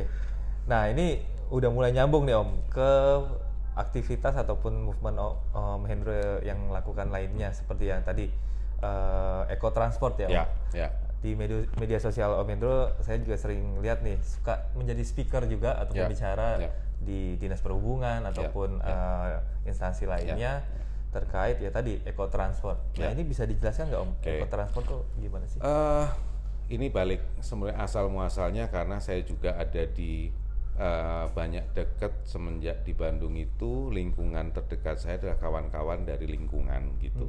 Jadi kita concern siapa pun kita nggak perlu jadi pegiat lingkungan, tapi itu sudah menjadi kayak template gitu. Kita itu harus balik lagi ke lingkungan gitu. Apa pun yang kita lakukan, caranya gimana gitu. Mari dibangun eh, perilakunya, mari dibangun kesadarannya karena kita yang sekarang bisa jadi nggak lama kemudian selesai, tapi kita punya generasi anak-anak kita, cucu-cucu kita atau teman-teman mereka atau generasi berikutnya sama. Eh, jadi ekotransport itu perpindahan dari satu tempat ke tempat yang lain, tapi meminimalisir eh, polusi Polusinya. jalan kaki, naik sepeda, Hmm. transportasi publik atau nebeng. Hmm, I see, I see, Oke, see. kenapa nebeng? Rizky sama saya punya kendaraan, punya mobil satu-satu, tapi rumah kita deketan. Rizky, gitu. Kalau kamu nggak ada kepentingan lain setelah dari kantor dan segala macam, udah kamu naik mobil saya, besok saya gantian naik mobil kamu. Oke, gitu. oke, oke, oke. Kenapa? Loh, dua mobil sama satu mobil beda. Iya. Ya, kalau bisa kita satu arah ada yang tebengan lagi ya ayo aja gitu. Tapi kalau bisa naik transportasi publik, oke naik transportasi publik. Seberapa perlu sih kita punya mobil? Saya nggak perlu, tapi saya dapat eh, jatah dari kantor nggak diambil sayang. Ya boleh aja Hmm. Boleh diambil, aja. tapi bijak ketika mau pakai. Ya. Ketika cuma satu orang ya janganlah gitu. Kalau bisa dua orang, tiga orang, ayo. Gitu. Karena juga menjadi beban di jalan sendiri ya, volume Ya, jalan juga ya. bertambah dan polusi lain-lain. udara dan Polusi segala. udara Nah, juga. ini sederhana, tapi kalau ini dipahami Hmm. gitu, ini menarik jadinya. Satu. Nah, terus tentang sepeda udah clear lah. Sepeda itu kan tenaganya kayu ya. Iya. Kalaupun sekarang ada bergerak, ada listrik dan segala macam ya silahkan aja. Tapi Teknologi ya. teknologi gitu. terus jalan kaki. Jalan kaki ini juga habit. Hmm. Eh, di Bandung itu ada walk to school. Walk to school. walk to school. Jadi jalan kaki ke sekolah itu juga dari awal kita dibantai juga sama orang tua murid, sama sekolah ketika kita mencoba ngajak sekolah-sekolah itu jadi percontohan gitu. Kita ngobrol juga sama pemerintah kotanya, nggak nggak nggak sesederhana itu juga bisa diterima. Tapi ketika konsepnya ini adalah membangun perilaku, ya dicoba artinya. Oke, kita cari daerah yang macet. Yang macet malah ya. Ya, oh daerah macet kalau di Bandung itu Jalan Merdeka sama Jalan Riau. Oke. Yang Gitu. Riau. Itu padat banget ya Om ya. Ada. Ternyata macetnya kalau pagi ternyata di jam-jam tertentu. Pertama, pagi banget ketika jam anak masuk sekolah sama jam pulang sekolah. Sederhana. Saya punya kendaraan, saya punya anak. Mau kan kita punya kendaraan tuh selalu alih-alih kalau kita laki-laki tuh pengen memuliakan keluarganya lah, Iya, gitu. ya iya, kan iya, gitu. Jangan i- ini ini ini ini persepsi gitu. Eh, kalau bisa saya antar anak saya sampai ke tempat duduk pakai mobil ya kenapa enggak kan gitu Iya, bahasanya. Nah, iya. ketika ini dimiliki oleh saya, satu kelas anak saya itu ada 40 orang. 40 orang itu satu kelas. Kalau itu kelas satunya itu ada 8 kelas, udah 40 kali 8 kejadian. Banget ya. itu baru kelas 1, Baru kelas satu. 2, kelas 3-nya kayak apa? Kebayang, pintu sekolah cuma satu. Iya. Satu turun, satu Kemacetan turun. Nah, gitu. Panjang mungkin nggak terelakkan jadi ya kalau Pasti, kalau gitu. itu terjadi. Nah, ya. dan itu cuma satu-satu. Terus gimana caranya? Mereka boleh loh eh, naik kendaraan diantar orang tuanya pakai mobil, pakai motor, tapi tidak berhenti di depan pintu sekolah. Hmm, iya iya iya. Berhentinya di mana? Kita carikan tuh eh, namanya drop zone. Eh, 200 meter, 300 meter, maksimal 500 meter. Hmm, Drop zone itu sebanyak mungkin kita bikin arahnya menuju ke pintu sekolah tadi Hmm, gitu. Nah, dalam satu kawasan di Jalan Merdeka itu ada empat sekolah. Ada sekolah Santa Angela, SD, eh, sk- eh, SMP, SD SMP Merdeka, eh Banjarsari, SD eh, Merdeka, Santo Yusuf ada empat, ya ada empat sekolah sekali dalam komplek itu. Jadi kita bikin ada enam drop zone. Si orang tua tadi dengan mm, siswa-siswi putra putrinya berhenti turun di situ, anaknya turun di situ, keluarganya yang nganter terus gitu. Iya, iya. Di situ siapa? Takutnya nanti diculik mas, Iya. katanya. kan gitu. Oh enggak, kita kerjasama sama Crime pemerintah dia takutnya ya. pemerintah. Jadi hadir tuh yang eh, pemerintah waktu itu hadir ada dinas perhubungan, ada satpol pp, Polisian mungkin juga. ya. kepolisian turun. Jadi sepakat, ayo kita bikin. Ternyata nggak macet. Ketika turun, dijemput, gurunya ikut jemput, nganter jalan kaki sampai ke sekolah, difoto, pemberitaannya juga ada yes, gitu. yes, yes. Kontak itu jalan tiga bulan, Tiga bulan ya. tiga bulan. Nah, kepengennya itu jalan terus, Oke. tapi harus ada yang menginisiasi, nggak bisa juga Nggak kita bisa terus-terusan, terus-terusan. gitu. Kita Sampai turun- sekarang masih nggak om tuh? Nggak, udah nggak. Udah Gitu. tidak ya? Tapi sempat tiga bulan itu jalan. Yang di Jalan Rio juga tiga bulan. Jadi total kita sempat jalan selama enam bulan di dua tempat berbeda. Hmm. Terus ada 30 sekolah melakukan hal yang sama Hmm. gitu di daerah Bandung. Cuman ketika itu berhenti satu berhenti semua. Akhirnya pelan-pelan. Itu sayang banget. Tiga bulan itu padahal impactnya sangat terasa ya. Luar Kalau- biasa. Kalau kita biasa. gitu ya. ya. Ya, ya, Nah, ini konsisten perlu terus sub infrastruktur, suprastruktur juga penting. Artinya Hmm. aparat-aparat wilayah, kewilayahan, guru, terus eh, ada juga yang pengen parkir kendaraannya di mana. Nah, itu Iya, kita juga melobi tuh tempat-tempat yang bisa jadikan parkir mereka, tapi Hmm. nggak bener-bener nunggu di samping sekolah gitu. Iya, kan ada rambunya. Pas kalau kita cari pecoret itu deket-deket sama sekolah, tempat ibadah, sama mall gitu, tempat belanja itu pasti ada. Tapi kan kebanyakan itu juga jadi pangkalan kan. Pangkalan Nah. terus tukang parkirnya udah nungguin. Ya, ya, ya. itu akhirnya semua kena tuh gitu Iya, kan. iya, iya. Artinya eh, sesederhana satu program dijalankan, ini dampak dominonya panjang. Ini artinya balik lagi, yang bisa melakukan ini adalah pemerintah, Hmm. Pemerintah. gitu. Jadi mari kalau bisa bareng-bareng Iya. secara bertahap, mulai ada rambunya, menuhin eh, bikin zebra cross, jembatan penyeberangan dan segala macam. Kalau ada yang senang melakukan riset, silahkan lakukan risetnya. Ada yang senang ngambil gambar, silahkan ambil fotonya, gitu. Ini semuanya menarik dan dikerjakan happy happy. Yes, Gitu. menarik. Itu Nah, dari itu ekotransport. ekotransport, itu ya. ekotransport. Itu jalan kaki. Terus sempat bikin juga mengaktifasi trotoar. Tro- Hampir semua trotoar di Indonesia itu kalau nggak dijagain eh, itu selalu dipakai buat jualan, Jualan. gitu. Kumpul-kumpul dan segala macam nggak jelas parkir motor panjang Utilitas kok nggak ya? gitu Tahu ada tiang listrik di situ ya. gitu. Nah, itu kalau di Bandung ada namanya lari demi kenyataan. Itu larinya di trotoar. Ah. Ya, kampanyenya biar nggak melar, jalanlah di trotoar. Kan kira-kira gitu. Oke, Jadi ya dibikin yang seru-seru tuh, lucu-lucu. yang unik ya. Iya, yang unik-unik. Iya, iya, itu dilakukan. Eh, dengan itu akhirnya ada Satpol PP Dinas Perhubungan melakukan penertiban yang di trotoar dia pengen lari gara-gara eh, pengen lari tapi nggak bisa karena ada pedagang, ada yang mangkal akhirnya tertibkan Oke. gitu. Menarik, menarik. Ini pendengar, sorry kalau misalnya bocor ataupun ada suara-suara kurang eh, enak di telinga ini shoot syutingnya atau rekamannya di proyek ya Om. Oh iya iya iya. Jadi mohon iya, maaf iya, nih iya. kalau ada bocor-bocor Seru seru seru. suara ketok-ketok gitu. Oke. Tapi natural lah ya. Natural aja. Natural gitu. Oke, oke. eh, Eco transport. Nah, tadi yang eh, apa namanya naik sepeda, berjalan kaki sudah dibahas. Nah, yang eh, perlu disinggung lagi yang terkait eh, menggunakan transportasi umum nih, Om. Oke. Oke. Nah, ini eh, seberapa sering sih Om Hendro menggunakan transportasi umum dan saat ini kondisinya bagaimana, Om? sebelum pandemi Mm-mm. saya ke mana-mana nggak pakai kendaraan pribadi bermotor Hmm. gitu sekalipun punya kendaraan Iya, Di- iya. dikasih kendaraan dari kantor kan Iya, gitu iya, itu iya. kepakaiannya memang ketika jalannya jauh dan jauh, rame-rame kan rame-rame. gitu nah eh, naik sepeda naik transportasi publik kalau nggak nebeng kan Ah, gitu iya. itu saya lakukan, Lakukan. gitu kalau kita nggak melakukan kita nggak bisa ngomong sama orang tuh Iya, iya, iya.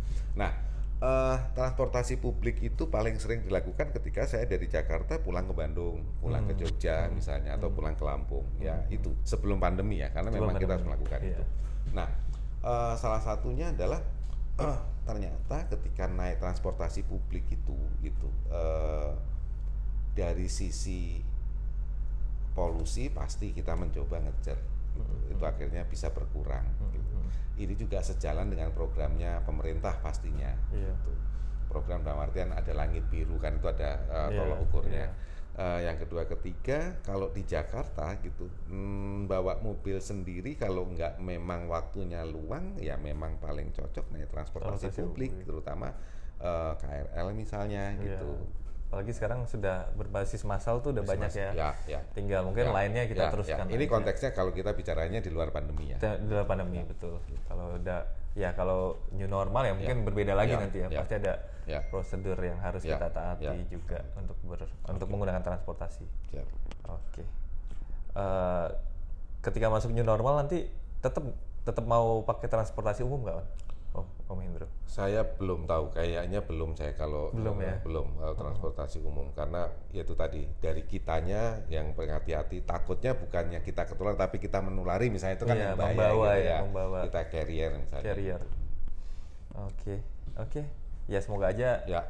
new normal ada pro protap yang proper gitu ya, Ya, untuk ya. menggunakan transportasi Ya, umum dan ya. juga eh, sosialisasi yang eh, cukup baik dilakukan. Tapi ketika memang itu dilakukan betul di transportasi publiknya, saya pikir layak juga dicoba. Hmm. Memang benar-benar dibatasi 50% betul gitu ya, Hmm, di dari jumlah bangkunya gitu dan dilakukan betul terus eh, protokolnya habis itu disemprot misalnya Iya, dilap atau apa gitu. Saya pikir ya karena udah jadi kebiasaan, lama-lama jadi Lama-lama jadi budaya, budaya akhirnya gitu. jadinya. Di kita juga hati-hati. Oke, oke Om.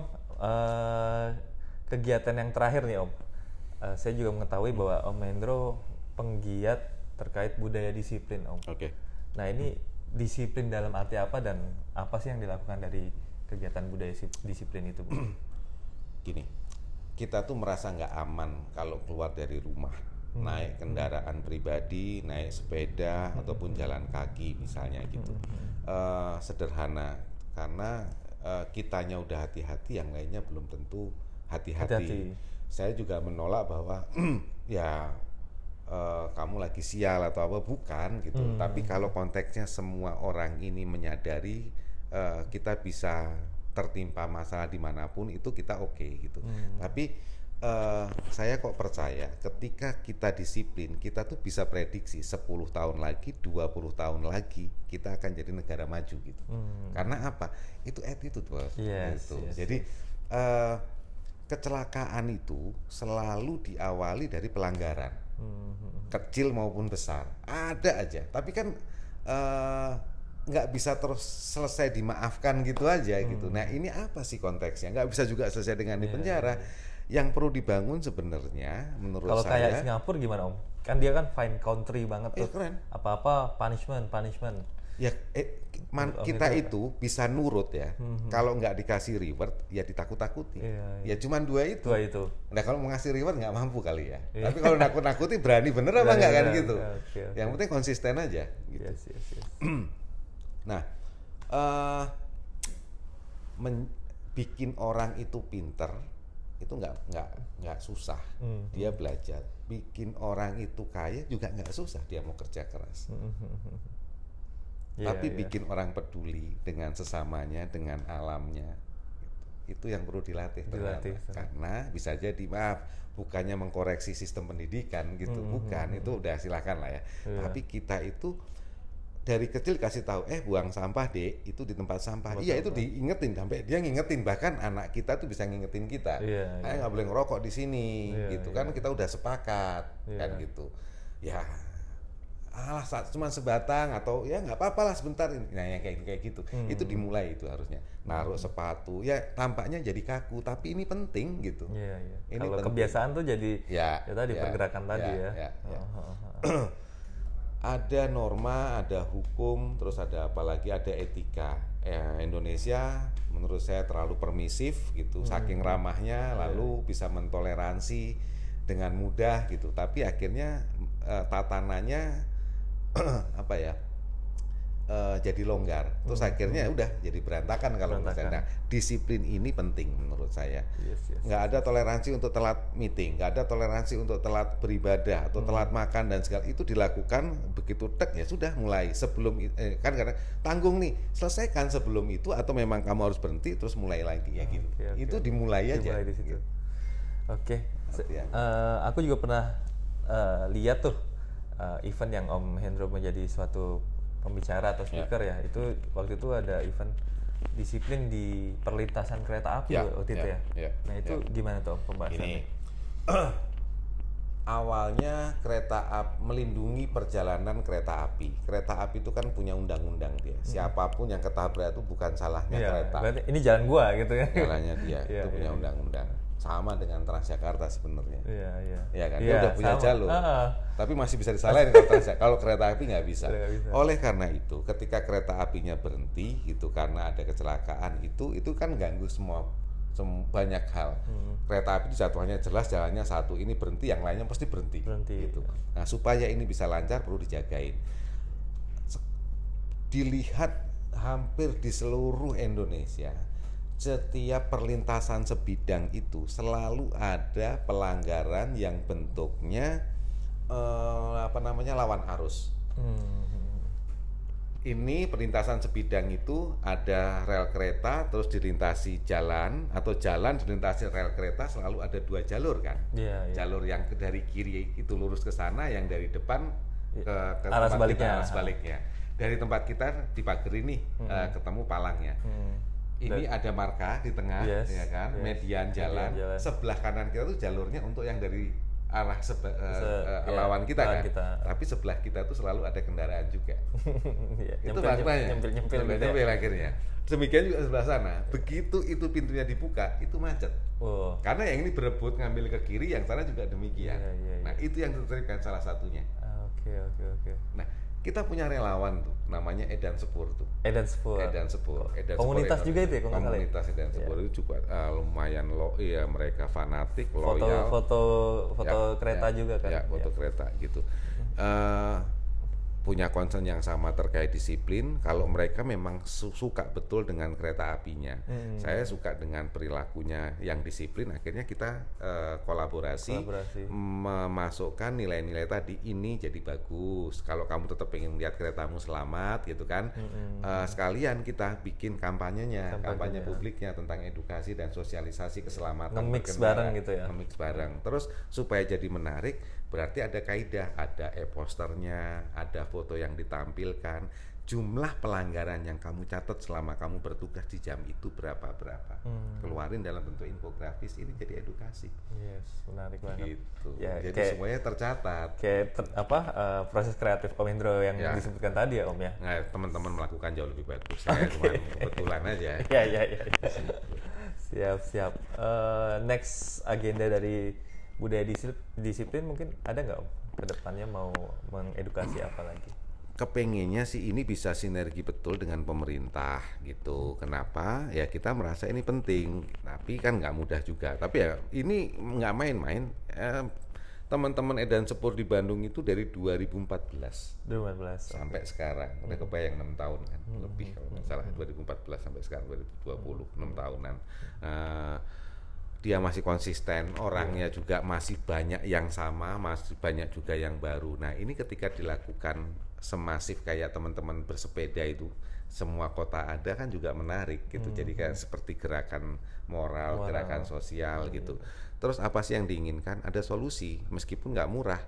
Kebanyakan solusinya adalah jalan jalan untuk kendaraan manusia mobil motor tuh dibikin jalan layang di atas Flyover ya. uh, flyover gitu. Tapi bukan berarti itu ditutup perlintasannya ya akhirnya gitu juga. Tidak dimatikan Hmm, juga jangan gitu. dimatikan. Tapi sebenarnya apakah ini jadi solusi untuk macet? Iya bisa jadi. Hmm, tapi membangun perilaku tentang disiplin tadi terjadi atau tidak gitu. I see, I see, I see.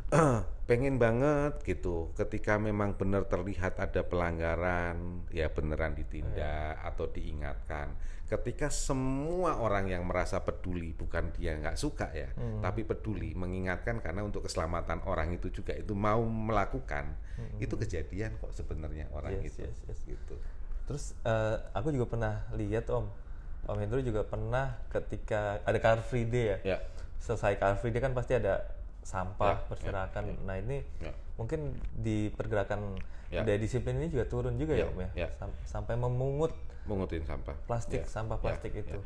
Jadi eh di mana ada keramaian itu yang ketinggal tuh ada tiga. Pertama macet, yang kedua sampah, yang terakhir kenangan. Nah, eh, kenangan. Oke. Nah, soal macetnya tadi teman-teman yang disiplin tadi tuh Iya, bikin gimana yes, caranya, yes, edukasinya, ngasih tahu oh ternyata parkirnya harus ada tempat parkir sendiri, iya. ada tandanya, jadi nggak sembarangan. Mm-hmm. Nah terkait sampah kita bilang aja, saya udah nggak nyampah itu bukan sampah saya. Oke silahkan, itu bukan sampahmu dan kamu udah nggak nyampah. Hmm. Buktinya apa?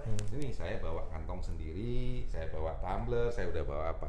Oke, itu ada sampah. Iya sekarang mau diambil nggak? Nggak, nggak ya sudah. Kita ambilin tuh, ambil peran karena kalau kita cuman tunjuk, kita cuman foto, sampahnya nggak hilang. Iya. Ya udah kita ambilin, aja. kita ambilin. Nah kalau cuman sekali juga nggak ngubah apa pun. Iya. Ya udah. Ada teman-teman yang memang punya dedikasi terkait eh, membersihkan sampah di ruang publik. Hmm. gitu. Namanya teman-teman gerakan pungut sampah. Ini Gerakan juga ada di sampah. eh, banyak kota gitu gerakan pungut sampah. Ya udah jadi di setiap Car Free Day atau di setiap event dia bisa masuk penyelenggara acaranya mengizinkan dia ada di situ nggak dibayar nih gitu. Hmm. Eh, saya boleh ada di sini? Boleh. Saya boleh mengedukasi semua pengunjung? Boleh. Mana ruang saya? Ini ini boleh nggak siapin tempat sampah boleh ya udah dia jalan tuh dengan sendirinya pakai seragam sendiri Itu nggak dibayar ya Om ya? nggak dibayar dan itu isinya bisa jadi ada anak sekolah ada mahasiswa ada pelajar ada guru ada praktisi apa pun apa pun. ikut aja mereka membaur saya bagian kayak kalian semua Hmm. ada juga orang kepala dinas apa gitu ya Oke, ikut oke. gitu. Menarik banget Om. Nah, ini kan happy happy silaturahmi sebenarnya tapi se- cuman kumpul uh, ketika kumpul-kumpul ngapain Dan mungkin apa ya? Kalau perlu ibu- ketulusan juga ya. Iya, iya. kalau ibu-ibu langsung arisan kalau kita kan nggak mungkin Iya. Ibu-ibu langsung bikin ya, eh, bikin arisan nih. arisan Arisannya di event gitu kan sambil sambil mengut sampah. Oke oke, menarik menarik banget Om. Oke Om, eh, mungkin next yang terakhir nih Om terkait eh, milestone ataupun plan dari seorang Hendro Talenta tuh apa sih Om? Kalau saya sih eh, ketika yang dilakukan ini dirasa menarik, orang-orang tertarik, kepenginlah mereka punya waktu gitu. Pertama, kalau bisa sempat ikutan ikutan gitu. Kalau misalnya enggak minimal dia Podcast, juga eh, melakukan gitu. Ternyata oh nggak susah gitu. Saya juga udah bawa tumbler. Saya juga minimal udah nyiapin hand sanitizer di mobil. Saya udah bawa tumbler. Oke. Saya udah meminimalisir potensi sampah kemasan misalnya gitu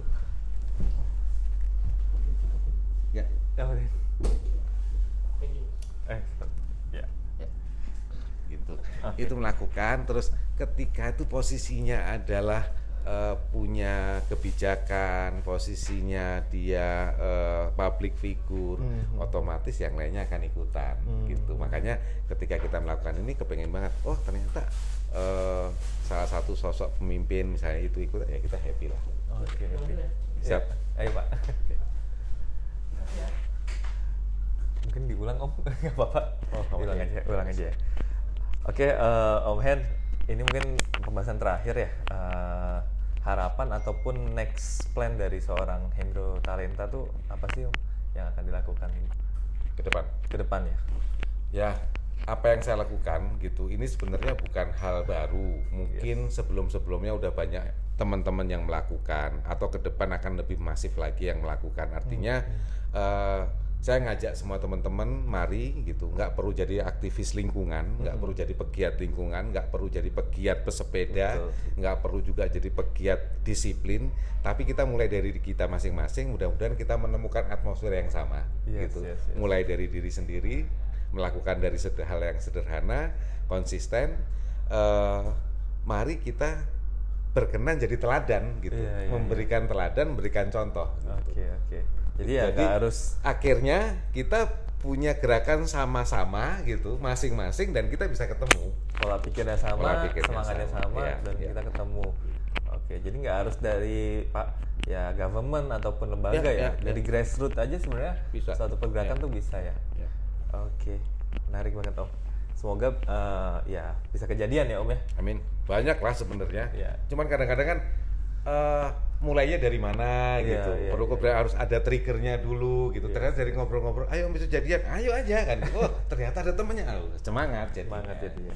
Oke, oke om. Mungkin eh, dari pembahasan ataupun obrolan Om Hendro yang bisa saya simpulkan eh, kali ini ya, pertama ketika kita melakukan suatu, suatu perubahan tuh mungkin nggak harus kita berpikir panjang ya om, efeknya gimana terhadap diri kita ataupun publik. ya. Tapi yang penting kita turun dulu, Ya. merasakan di eh, kondisi realnya tuh seperti apa per- permasalahannya Ya. dan dari situ mungkin ya kita munculkan eh, input dan juga pemikiran kita Ya.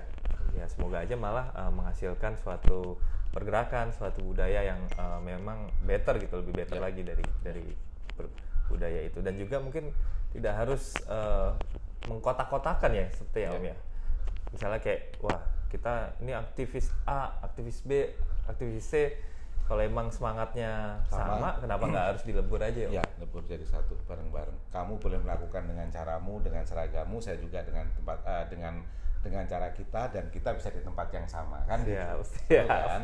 Oke. Oke, Om. Eh, nggak kerasa udah hampir 50 menit ya, Om. Wih, luar biasa. luar biasa. Oke. Jangan kapok ya, Jangan- ngobrol ya. Iya, siap. Makasih banyak Om Hendro atas waktunya. Eh, terima kasih sekali lagi.